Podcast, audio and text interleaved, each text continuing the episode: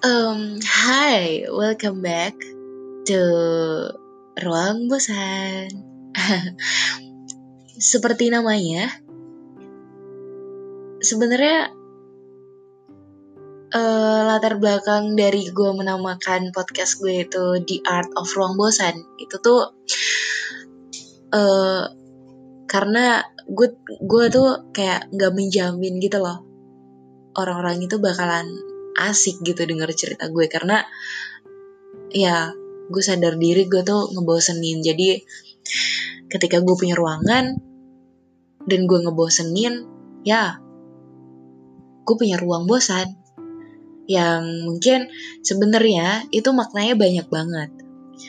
Bisa jadi ketika lo masuk ke ruangan itu lo merasakan bosan atau lo masuk ruangan itu uh, dalam keadaan bosan kemudian masuk ruangan situ malah nggak jadi bosan atau ya kayak healing of boring gitu loh healing of boring dan dan uh, jadi mood booster gitu. Iya suara gue mood booster kan ini banget ya. Pede banget sumpah. Oke. Okay. podcast ini di podcast ini gue mau cerita tentang kehidupan perkuliahan gue uh, yang menurut gue cukup cukup biasa aja. Tapi I wanna tell I wanna tell about my my my college for you and. Yeah. Jadi gue juga sempat menyinggung bahwasannya kan gue sekarang kuliah tuh di arsitektur sempat menyinggung bahwasannya arsitektur is not my passion tapi kenapa gue pilih ya kan jadi waktu itu gue masuk jalur undangan dan ada tiga pilihan di mana pilihan satu, dua itu udah gue isi sama pertanian. Pilihan ketiga arsitektur. Kenapa gue pilih pertanian? Karena dari SMA gue udah di gue udah nggak di push, cuma uh, bokap nyokap gue udah cukup mengode mengode gitu. Cukup cukup memberikan kode ke gue bahwasannya masuk ke pertanian gitu. Uh, karena gue cukup peka cukup peka gitu karena gue cukup peka jadi gue menerima kode itu dan mulai mulai mulai mencari jalan di mana uh, gimana ya caranya biar gue bisa masuk kuliah pertanian itu uh, bisa bisa cepet gitu. Maksud gue kayak ya bisa eh, nggak uh, susah lah gitu. Karena hmm, karena gue punya passion itu makanya makanya gue harap nanti kuliah di sana juga nggak nggak nggak kayak orang baru-baru banget gitu loh. Makanya selama SMA gue ikut eskul uh, care yang di mana katanya anak-anak di situ tuh anak-anak anak-anak ambis semua gitu kan. Anak-anak yang mikir aja gitu udah di sekolah mikir esku mikir pula gitu kan. Tapi ya gue happy sih gue enjoy di situ. Gue mulai kira itu kan di situ dari semester dari semester dari kelas 10 gue ditahu gue udah ditawarin lomba gitu sama senior gue. Uh, ditawarin untuk lomba uh, presentasi gitu presentasi karya ilmiah. Jadi kita buat produk kemudian dipresentasikan gitu. Dan dari kelas 10 gue di diajak gitu. Uh, karena gue pikir kayak uh, udah terlanjur masuk ke sana akhirnya gue tekunin aja gitu. Toh gue juga seneng gitu. Jadi selama tiga tahun gue berkutat pada karya ilmiah dan fokus membuat produk kemudian dipresentasikan. Dan someday gue ada lomba di ada ada ada broadcast lomba gitu di salah satu universitas ternama di Yogyakarta akhirnya gue kirim aja produk gue ke sana dan gue lolos gitu. Gue lolos kemudian gue presentasi ke sana. Dan ya gue masuk ya gue bersyukur banget sih gue masuk lima besar dalam lomba itu se Indonesia di mana di situ Lampung itu cuma gue sama tim gue gitu ketemu sama teman-teman dari Jember dari Bali macam-macam deh pokoknya dari Jawa Barat. Tapi dari Lampung itu cuma gue sama tim gue itu sih. Jadi ya menurut gue itu udah pengalaman luar biasa banget. Dan terlebih masuk lima besar itu it's awesome for me. So dari situ gue pikir wah gue udah punya bekal nih udah punya bekal.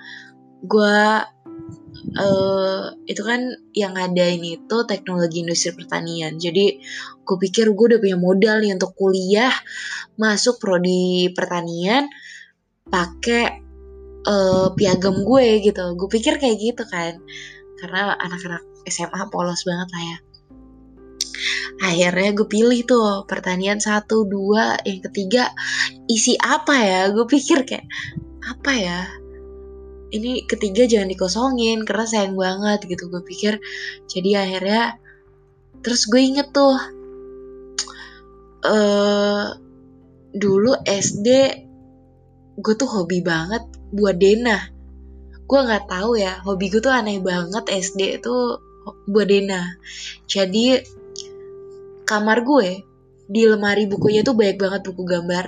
Dan kalau dibuka isinya denah denah rumah denah komplek denah mall denah rumah sakit denah sekolah baik banget yang gue buat itu tapi denah doang gitu.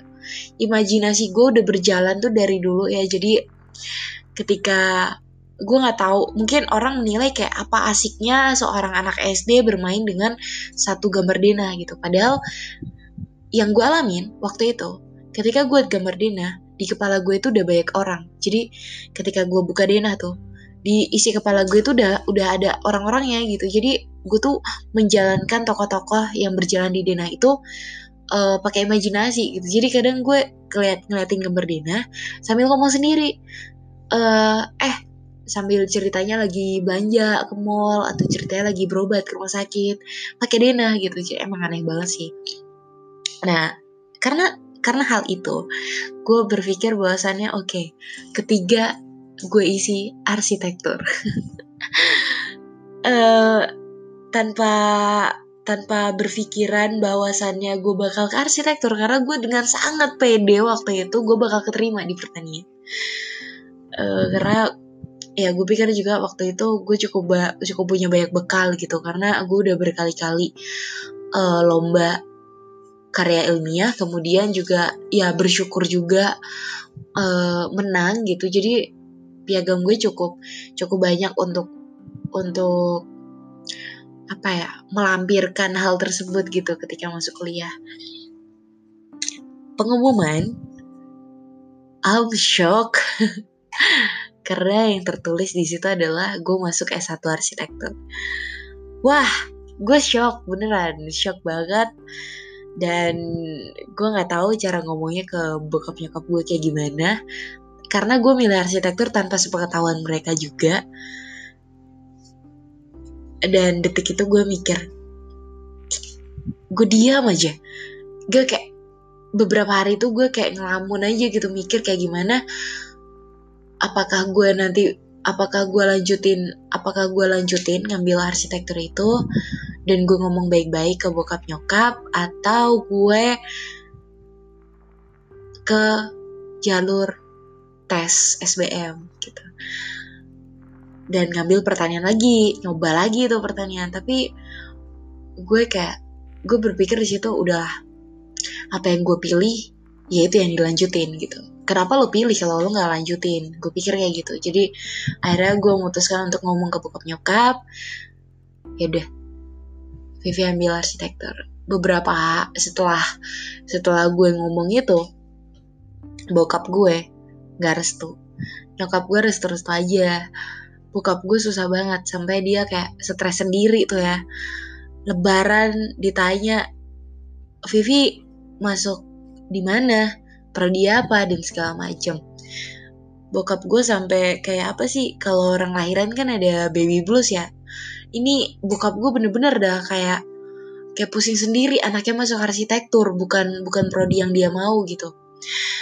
Dia cerita ke atasannya tapi atasannya juga bilang kayak uh, dia atasan alhamdulillah ya tuh ya atasan bokap gue tuh ngehibur gitu. Nggak apa-apa. Arsitektur itu prospeknya bagus kok pak gitu. Jadi wah gila gue kebantu juga sih. Jadi akhirnya dengan meyakinkan tekad gue ke orang tua gue gue masuk arsitektur until now. Walaupun kenapa gue bilang arsitektur is not my passion tapi gue tetap jalanin aja gitu. Karena uh, lo nggak bakal bisa uh, merasakan apa yang di luar ekspektasi lo kalau lo terus ada di zona nyaman. Jadi kalau misalnya waktu itu gue tetap ngambil pertanian gue nggak bakal gue mungkin gak bakalan bisa dapet apa yang yang di luar ekspektasi. Maksud gue kayak gue nggak bisa bakal dapet gue nggak bakal bisa dapet hal yang mungkin ketika gue ambil di arsitektur gitu ketika gue di pertanian nanti gitu. Walaupun memang waktu itu gue tetap di pertanian jadi ya until now I'm okay to be me and ya walaupun gue sempat sempat wah gila arsitektur susah banget coy. Gue kayak gila ini ya gila gue sampai ibaratnya itu mau nyontek aja tuh mikir gitu kan karena uh, sangat kompleks lah yang perlu dipikirkan gitu. Mungkin kelihatannya dari luar ya gambar doang desain doang tapi ya ya doang-doangnya itulah yang mengakar sampai ke mana-mana. Uh, ngomongin kuliah juga itu tentang bagaimana latar belakang gue ngambil arsi lah ya kemudian kuliah semester 1, semester 2 gue coba untuk fokus kuliah aja lah. Gue kuliah ya belajar. Udah gitu aja. Ya udah jadi gue kayak nggak pernah bolos. Kuliah yang rajin dapet IP-nya lumayan ya gitu-gitu aja sih. Terus sampai finally itu tuh gue semester 3 4 gue magang di suatu agensi. Kemudian di situ ada pertanyaan agensi yang buat gue kayak gue udah ngapain aja selama kuliah? Jadi agensi itu bertanya tentang organisasi apa yang yang kamu jalani di perkuliahan gitu. Di situ gue kayak langsung terketuk ya. Wah gila gue udah ngapain aja ya selama kuliah dan dari situ. Uh, I push I push myself to to join yang ya pokoknya organisasi dan segala macam kegiatan kampus tuh gue ikutin semuanya. Sampai akhirnya dengan dengan niat itu gue malah masuk ke dunia politik kampus gitu. Gue masuk ke badan senat kampus kemudian dua tahun gue menjalani uh, menjalani badan badan senat kampus itu gue pertama ada di komisi satu eksternal internal kemudian yang sekarang gue komisi 5 di kesekretariatan di kesekretariatan. Dan hal ini hmm, secara tidak langsung mengajarkan gue bagaimana politik kampus itu berjalan. Dan gue juga jadi wah gila gue dapat banyak banget pengalaman dan dapat banyak banget pemikiran baru, kenal orang-orang baru, bertukar opini, bertukar informasi, bertukar apa ya, bertukar apa yang dipunya, kemudian mengenal berbagai macam karakter, mengenal berbagai macam uh, kepribadian gitu dan itu menyenangkan sekali sih. Terlebih bagi gue orang yang introvert, ikut-ikut kegiatan kampus adalah suatu momok sebenarnya. Karena setiap rapat adalah itu menantang uh, karakter gue sebenarnya. Ketika rapat kan rame itu. Jadi uh, sebenarnya dari situ gue coba untuk belajar menjadi seorang yang ambivert dari introvert ke ambivert gitu. Um, mencoba untuk memposisikan di mana gue ya gue bisa berjalan dengan baik gitu uh, ya sampai sekarang sih gue masih sibuk dengan kesibukan gue dan gue cukup ya cukup cukup aktif lah di luar di luar akademik gue. Jadi gue gue harap ya gue harap dengan dengan dengan kegiatan-kegiatan gue ini nanti di dunia kerja pun gue nggak kaget gitu kayak gimana kejamnya dunia luar. Mungkin orang uh, ketika udah SMA ketika masih musim-musim ujian itu bakalan ngerasa stres berat, stres akut ketika mau masuk kuliah.